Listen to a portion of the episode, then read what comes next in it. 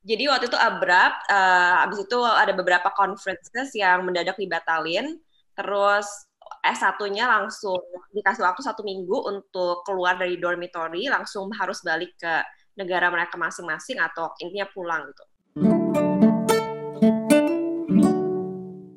Nah, untuk pertanyaan selanjutnya ini juga banyak juga nih ditanyakan. Karena kan sekarang sedang COVID ya uh, sayang sekali ke pengalamannya mungkin agak berbeda dengan sebelum COVID. Dari mulai pengalaman uh, kelas interaktif kemudian tatap muka dan segala macam.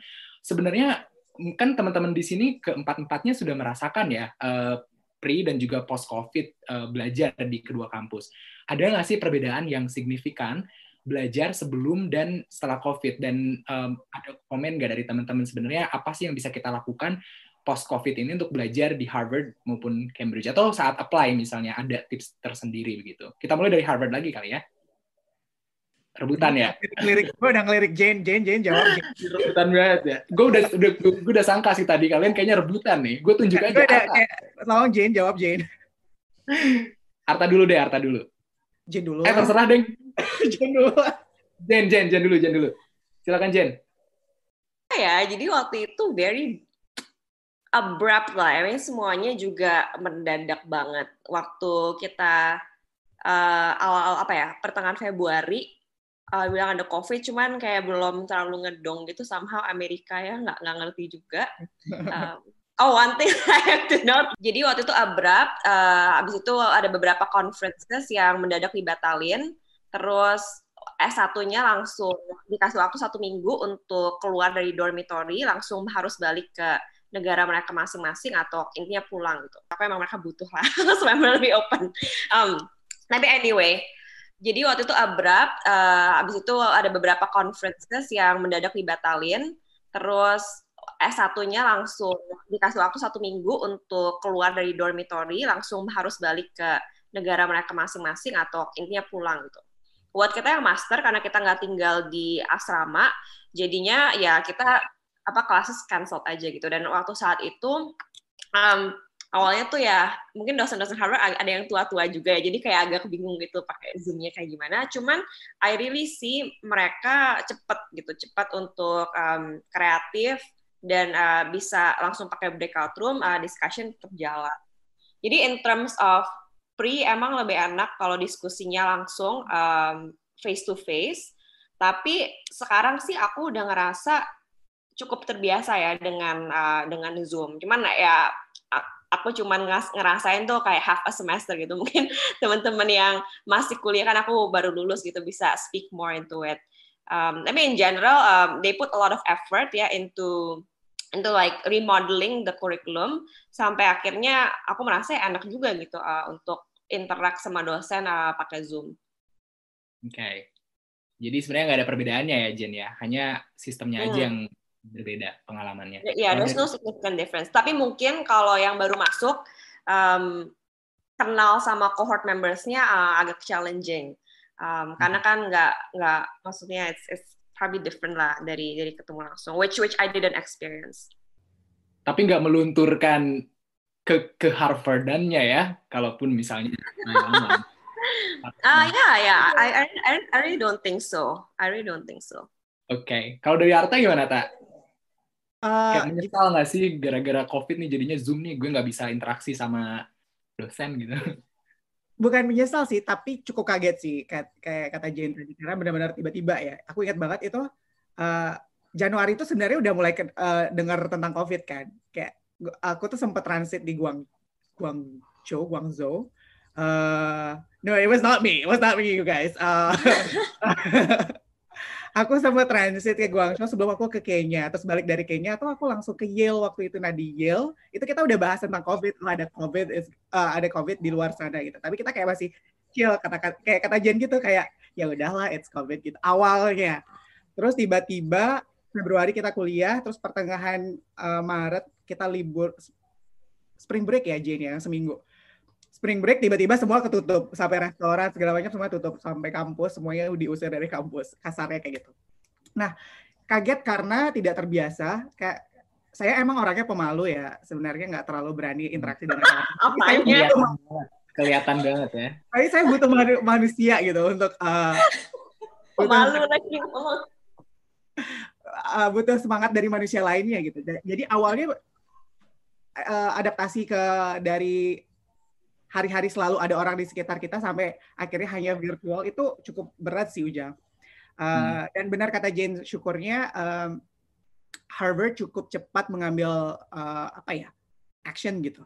Kemarin juga kan saya masih saya ada di dua posisi, saya sebagai uh, student tapi juga sebagai teaching assistant gitu. Jadi saya ngelihat dari dari perspektif kita sebagai mahasiswa ya udah memang ada banyak profesor yang tidak terbiasa menggunakan teknologi. Tapi di sisi lain uh, sebagai teaching assistant waktu itu saya benar-benar di dapat email kayak berapa ratus gitu sehari dari Harvard. Kayak beberapa resources yang harus kita tahu beberapa resources yang bisa kita gunakan untuk mendukung uh, learning experience dari student itu sendiri. Jadi aksinya cukup cepat. Selebihnya sih menurut saya sekarang uh, saya saya juga sudah mulai terbiasa dengan Zoom justru lebih efisien sekarang kayak tidak perlu uh, jalan lagi bosan kan dingin ya ini September udah mulai uh, berangin gitu uh, jadi ada di rumah itu ada selalu ada uh, positif dan negatifnya sih. Kita sekarang mencoba beradaptasi dengan apa yang kita punya aja sih. Ya. Negatifnya tadi ya karena Arta malu atau malu-malu ya. Jujur lebih ke pemalu. Tapi okay, tetap tetap butuh manusia kan, jadi susah. Beda antara interaksi dengan Zoom begini ya dibandingkan dengan interaksi langsung dengan manusia. BTW just kita agak matching. Lanjut. Uh, ke Cambridge, bagaimana ada perbedaan nggak pre dan post COVID? Silakan Santi kan saya backup dancernya, kamu duluan. um, aku kan uh, aku salah satu orang yang beruntung yang bisa masuk duluan ke lab uh, ke departemen karena uh, eksperimen. Jadi aku lumayan tahu usahanya mereka luar biasa untuk bisa menyambut mahasiswa uh, pasca apa pas Covid sekarang jadi lebih ini lagi sih kelebihannya Cambridge itu adalah Cambridge kan basisnya tuh uh, lebih mengedepankan kelas supervisionnya supervisinya sebenarnya dibandingkan kelas besar. Kalau kelas besar kita kan bisa kalau di Departemen of Engineering itu bisa sampai 100 sampai 150 orang per kelas besar. Jadi kayak sangat-sangat tidak efektif. Jadi Cambridge itu lebih mengutamakan uh, kelas kecil yang supervision yang tadi Nah, itu rencananya di uh, pas COVID ini uh, kelas besar akan diadakan online, sedangkan kelas kecil yang supervision akan tetap dilaksanakan uh, face to face.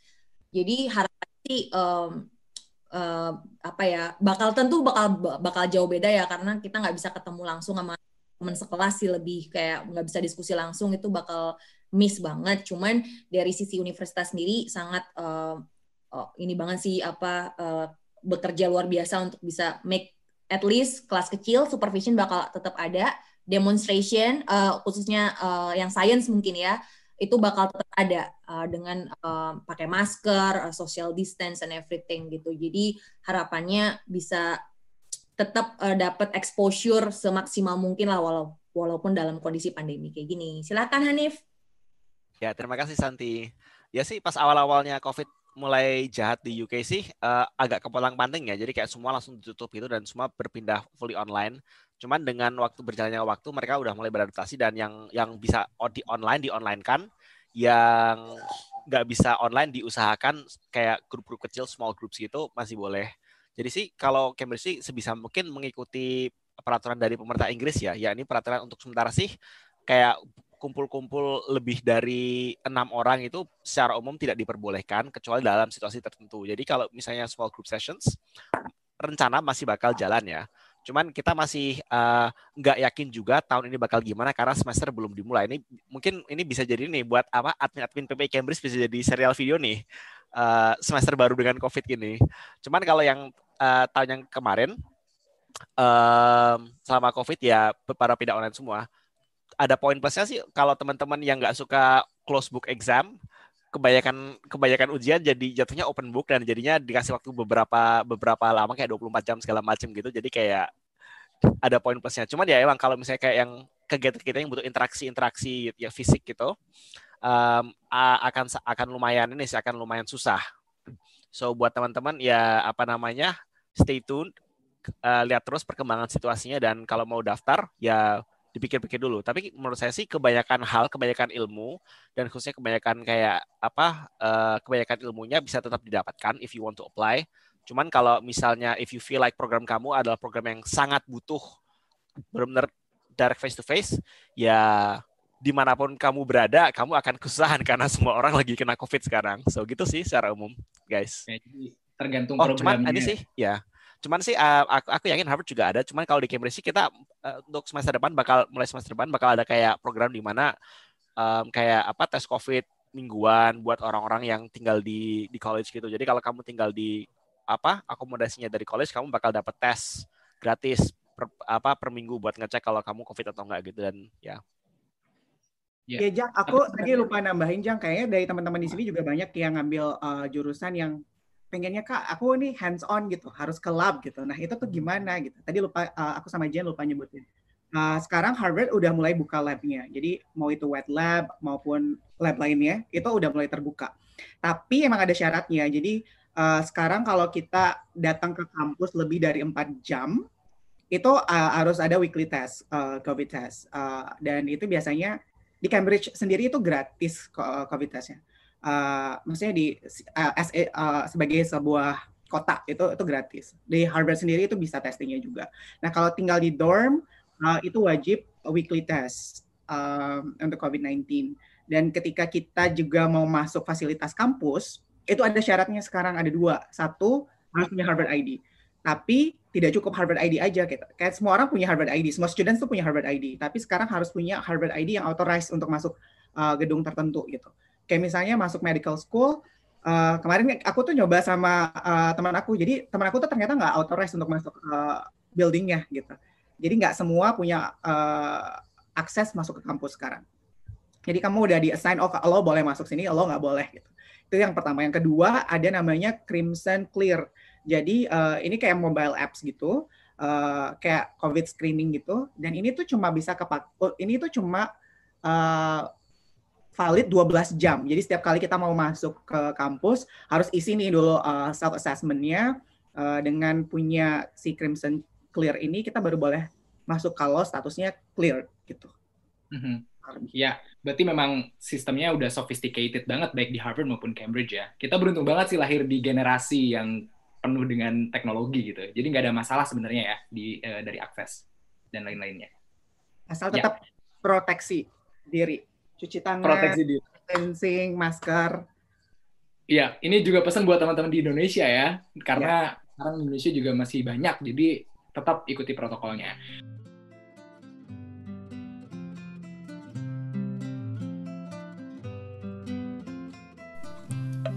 Hai teman-teman, makasih sudah menyimak episode podcast kali ini. Jangan lupa follow kita di Instagram at ppi.cambridge untuk info-info lainnya. Stay tune untuk episode selanjutnya ya. Bye!